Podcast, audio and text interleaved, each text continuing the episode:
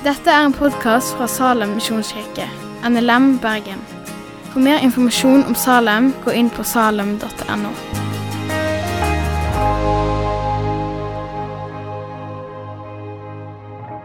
Jesus trekker fram de små barna som eksempler på noen som er hjelpeløse og fullstendig avhengig av andre. Som Kjersti nevnte her for barna, så, så, så må foreldrene gi dem mat. Foreldrene må skifte bleier, foreldrene må passe på dem. En av tekstene som eh, kan knyttes til teksten i dag, er Bergpreken, der Jesus kaller de salige som er fattige i seg sjøl. De som vil komme inn i himmelriket, kan ikke stole på seg sjøl, men må være små og avhengige av Gud. Gud står de stolte imot, men de ydmyke gir han nåde, sier Bibelen. Men siden vi kjenner den teksten som vi leste i dag, godt, så har jeg lyst til å utvide litt og se litt på ting fra kapitlene rundt. For versene i dag står i en kontekst. Og I stedet for at jeg skal stå og legge ut uh, hva det betyr at vi skal bli som barn, eller hva det betyr at vi må bli slik som de, så uh, skal vi se på historien. For noen kapittel før så står det så, så, så, kommer vi til et, til et stort vendepunkt i evangeliet. Jesus har gått rundt og fortalt om Guds rike i omtrent to år. Og så begynner folk å kjenne han igjen. Overalt der han kommer, så er folk på, stiller spørsmål, kommer med syke for at han skal helbrede dem, og de er generelt med der han er. Og så Nå så tar han disiplene til sides og spør dem om en eh, oppsummering. Hvem sier folk at jeg er? Det kan de svare på. Noen sier døperen Johannes. Eh, noen andre sier at eh, du er Elia-profeten som skal komme for å forberede folket på at Gud sjøl kommer. Og Noen andre igjen sier at du er en av de andre profetene. Jesus nikker bekreftende til det de sier, og vet at dette, folk, dette, dette har folk sagt om han før. Men det, da? Hvem sier det at jeg er? spør han disiplene sine. Det er da Peter står fram og sier, 'Du er Messias, den levende Guds sønn'. Salig er du, Simon, sønn av Jonas, sier Jesus. da. For dette er det ikke du sjøl eller noen mennesker som har funnet på, men dette er det Far min i himmelen som har åpenbart for deg. Og Dette er på mange måter et stort vendepunkt i evangeliet. Når du leser evangeliene fram til Peters bekjennelse, så står det veldig lite om at Jesus skal dø og stå opp igjen. Men fra Peters bekjennelse av så begynner evangelisten å fortelle at da begynte Jesus å fortelle at han skulle lide og dø. Både Matteus, Markus og Lukas er enige om det at liksom først nå begynner Jesus. Det er et vendepunkt. Frelsesplanen går på en måte inn i fase to. Men når Jesus har sagt dette, at han skal lide og dø, så tar Peter han til side og setter fingeren i han og sier ikke søren om du skal lide og dø. Nå har vi satsa alt på deg, du trekker deg ikke nå. Og Så må Jesus forklare han at det er faktisk dette Gud vil, selv om det høres feil ut for mennesket. Og Så forklarer han for folket og for disiplene at det ikke bare er han som må lide, men hver den som vil følge Jesus, må òg ta opp sitt kors og være klar til å lide og dø. Det er sånn vi finner livet vårt, ved å miste det. Disiplene strever med dette her, så derfor, eller kanskje derfor, ser jeg for meg, tar Jesus med seg tre av dem opp på et høyt fjell. Noen vers seinere. Og så får de se hvem Jesus egentlig er. Han blir så hvit og lys som solen, så de klarer ikke å se på ham. Og så hører de Gud si 'Dette er min sønn, som jeg har behag i'. Hør på ham.' Som om Gud vil si til dem dette som han sier, er faktisk riktig. Han tuller ikke når han sier at han skal dø og stå opp igjen. Men bare stol på han. Jeg har fortalt han det han skal gjøre, og han er akkurat på riktig plass. Jeg tenker litt sånn at det disiplene fikk oppleve oppå det fjellet, de tre disiplene, Peter, Jakob og Johannes, var ikke det det? Det må være et av høydepunktene i deres år sammen med Jesus. I, deres tre års vandring sammen med ham. Tenk å få se Jesus snakke med heltene fra Gamle Testamentet, Moses og Elia, og høre Gud sjøl snakke. Og Så kommer de ned igjen fra fjellet og drar videre. Og Som vanlig så går de, det er lange avstander, og de snakker sammen. Og Når de kommer fram inn i huset der de skal være, så spør Jesus de, hva er det de har snakket om på veien. Plutselig så er de nede på jorda igjen, og så er det ingen som svarer. For de har nemlig gått rundt og snakka om hvem som var de største av dem. De visste jo hva Jesus syntes om sånt snakk. Han hadde jo allerede sagt flere ganger at de ikke skulle tenke for stort om seg sjøl. Og så begynner Jesus å forklare dem. Hvis du vil være den største og beste av alle, så må du faktisk bli den minste. En tjener for alle. Og Her er første gang Jesus tar fram det lille barnet han inviterer fram et lite barn, tar det opp på fanget sitt og sier hvis du tar imot Guds rike Nei, hvis du tar imot et sånt lite barn for min skyld, da tar du imot meg. Og hvis du tar imot meg, så tar du egentlig imot Gud som har sendt meg. Men hvis du villeder et sånt barn som tror på meg, bort fra trua, så hadde det vært bedre for deg om du hadde fått en kjempestor stein knytta rundt halsen og blitt kasta i havet så du drukna. Hvis du blir frista til å forlede noen av disse barna, så, så, riv bort og kast fra deg det som frister deg. Enten det er øyet ditt eller foten din eller hånda di. Men prinsippet forklarer Jesus. Den minste skal bli den største.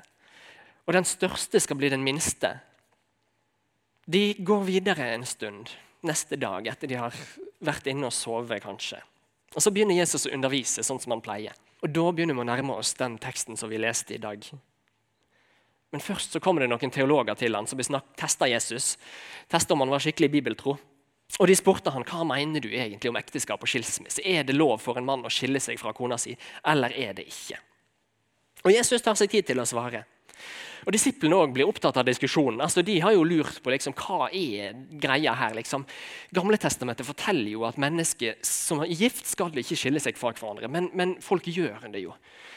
Hva, hva, bør man egentlig gjøre? Og Tenk det å liksom få Messias, Guds egen sønn, sitt eget svar på dette. her. De blir så opptatt av diskusjonen at når det kommer foreldre til dem med barna sine og vil at Jesus skal legge hendene på dem og velsigne dem, så hysjer de på foreldrene og ber dem om å gå gå hjem igjen, ser de ikke at Jesus er opptatt? De hadde jo òg lyst til å høre svaret på det store spørsmålet. Og så kommer det liksom noen irriterende foreldre med barn som de har lyst til at Jesus skal be for. Hysj, ikke bry deg om å komme her. Ser de ikke at Jesus er opptatt med noe viktigere? Men jeg ser for meg at Jesus da stopper opp diskusjonen. Ser på disiplene og sier app, app, app. La barna komme. Ikke hindre dem. Guds rike hører til sånne som de.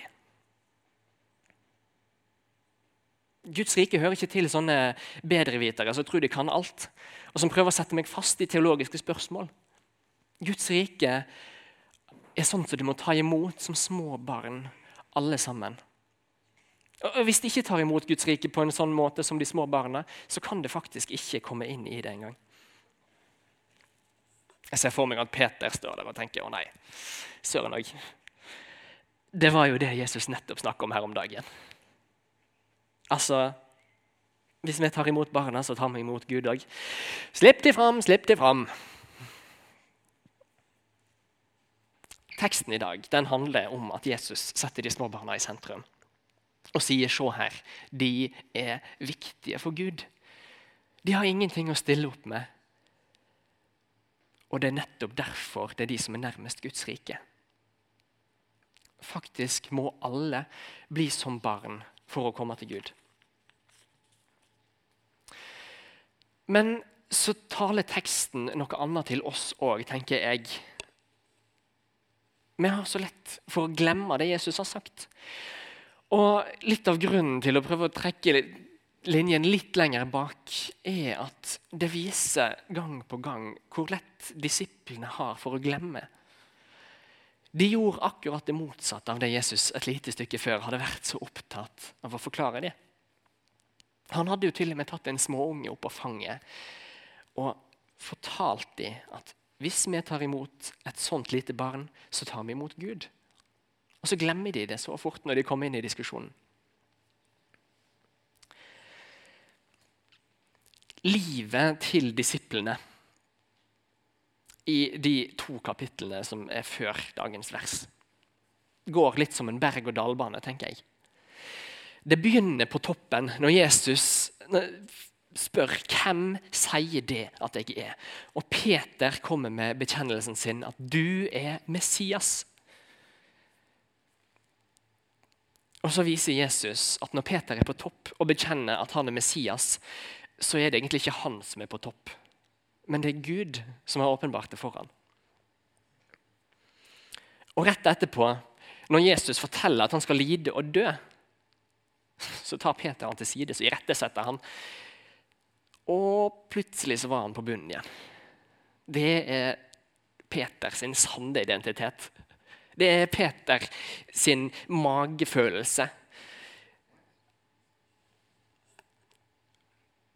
For å forklare til dem nærmere så, Peter, altså, så får Peter, Jakob og Johannes bli med Jesus opp på fjellet. Nok et toppunkt. Høydepunkt. Berg-og-dal-banen er på vei opp mot toppen igjen. Og Jesus viser seg for dem som Gud. Gud sjøl snakker til dem. For et toppunkt. Men til sjuende og sist så var det en opplevelse de fikk lov til å være med på. Det var ikke noe de gjorde sjøl, men det var Gud som viste det seg for dem. Og når Peter åpner munnen sin for å snakke, så kom han bare med et tåpelig forslag om å bygge hytter. Det virker ikke som om noen gidder å bry seg med å svare på det engang. I teksten.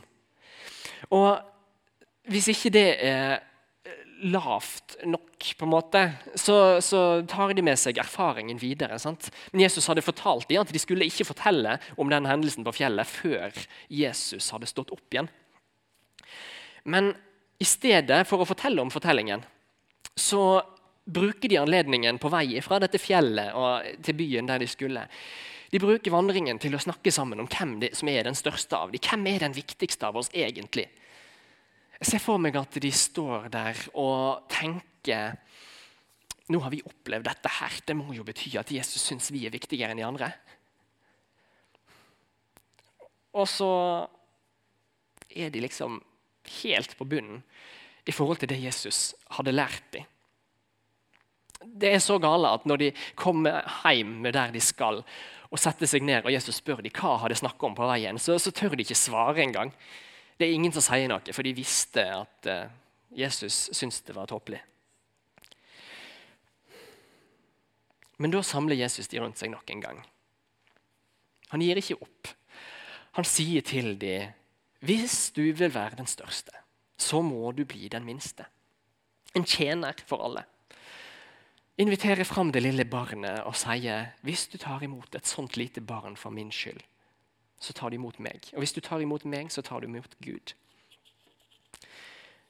Det viktigste for Gud er ikke de som tror de har alle svarene. De som stiller de mest avanserte spørsmålene, og de som prøver å vise at de er bedre enn alle andre. De viktigste er faktisk de som ikke tror at de får til alt. De som kommer med tomme hender, og som egentlig ikke forventer å få noen ting som helst. Jeg ser for meg at Jesus sier, husker det, at jeg i starten snakka om de som er fattige i ånden. De som ikke får til, de som ikke fikser livet. De som blir forfulgt. Det er de som er de viktigste for meg. Derfor vil jeg ikke at jeg skal diskutere hvem som er de største og viktigste blant dere. Skjønner dere det? Jo da, vi skjønner jo det. Men så går de videre, og så har de glemt den diskusjonen når de kom inn i den diskusjonen med disse teologene, disse fariseerne, om det er lov å skille seg fra kona si eller ikke. For når foreldrene kommer med barna sine, så hysjer de på dem og sender dem bort. De klarte ikke å huske den gangen heller. Og det, litt det, er litt av tanken som har slått meg når jeg har lest teksten i dag. Hvor fort glemmer vi det Jesus har sagt? Jeg tror så ofte om meg sjøl at jeg har det som kreves for å komme inn i Guds rike. Eh, altså, altså, Oppi hodet mitt så sier jeg nei, det er ikke sånn.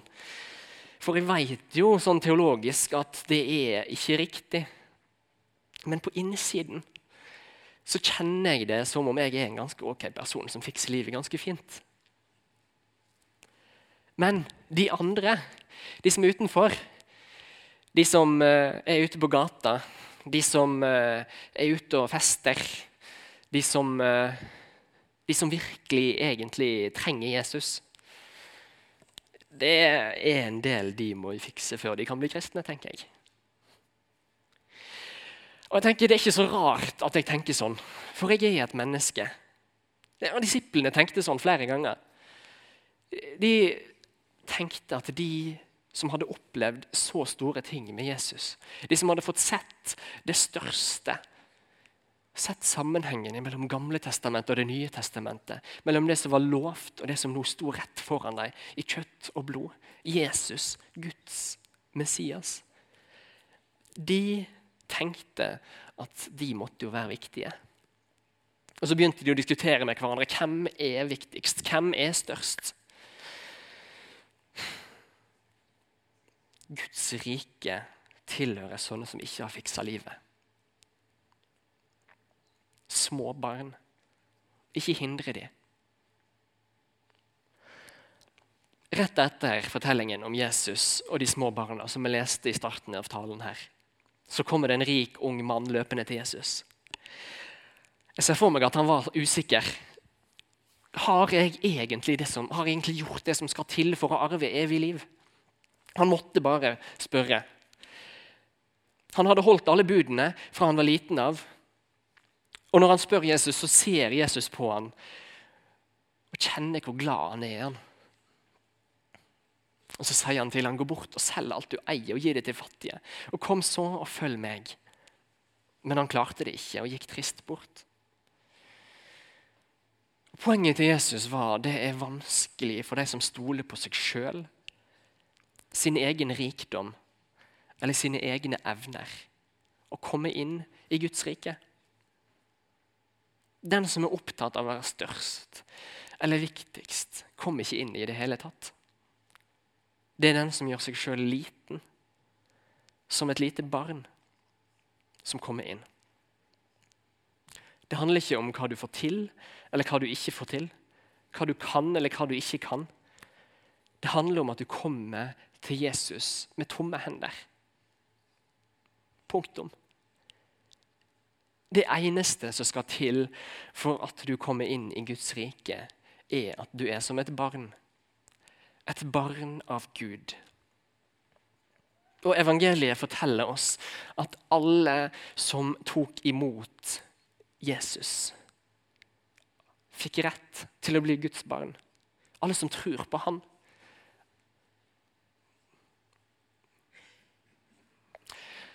Jeg har lyst til at vi skal bare ta med oss det inn i sommeren.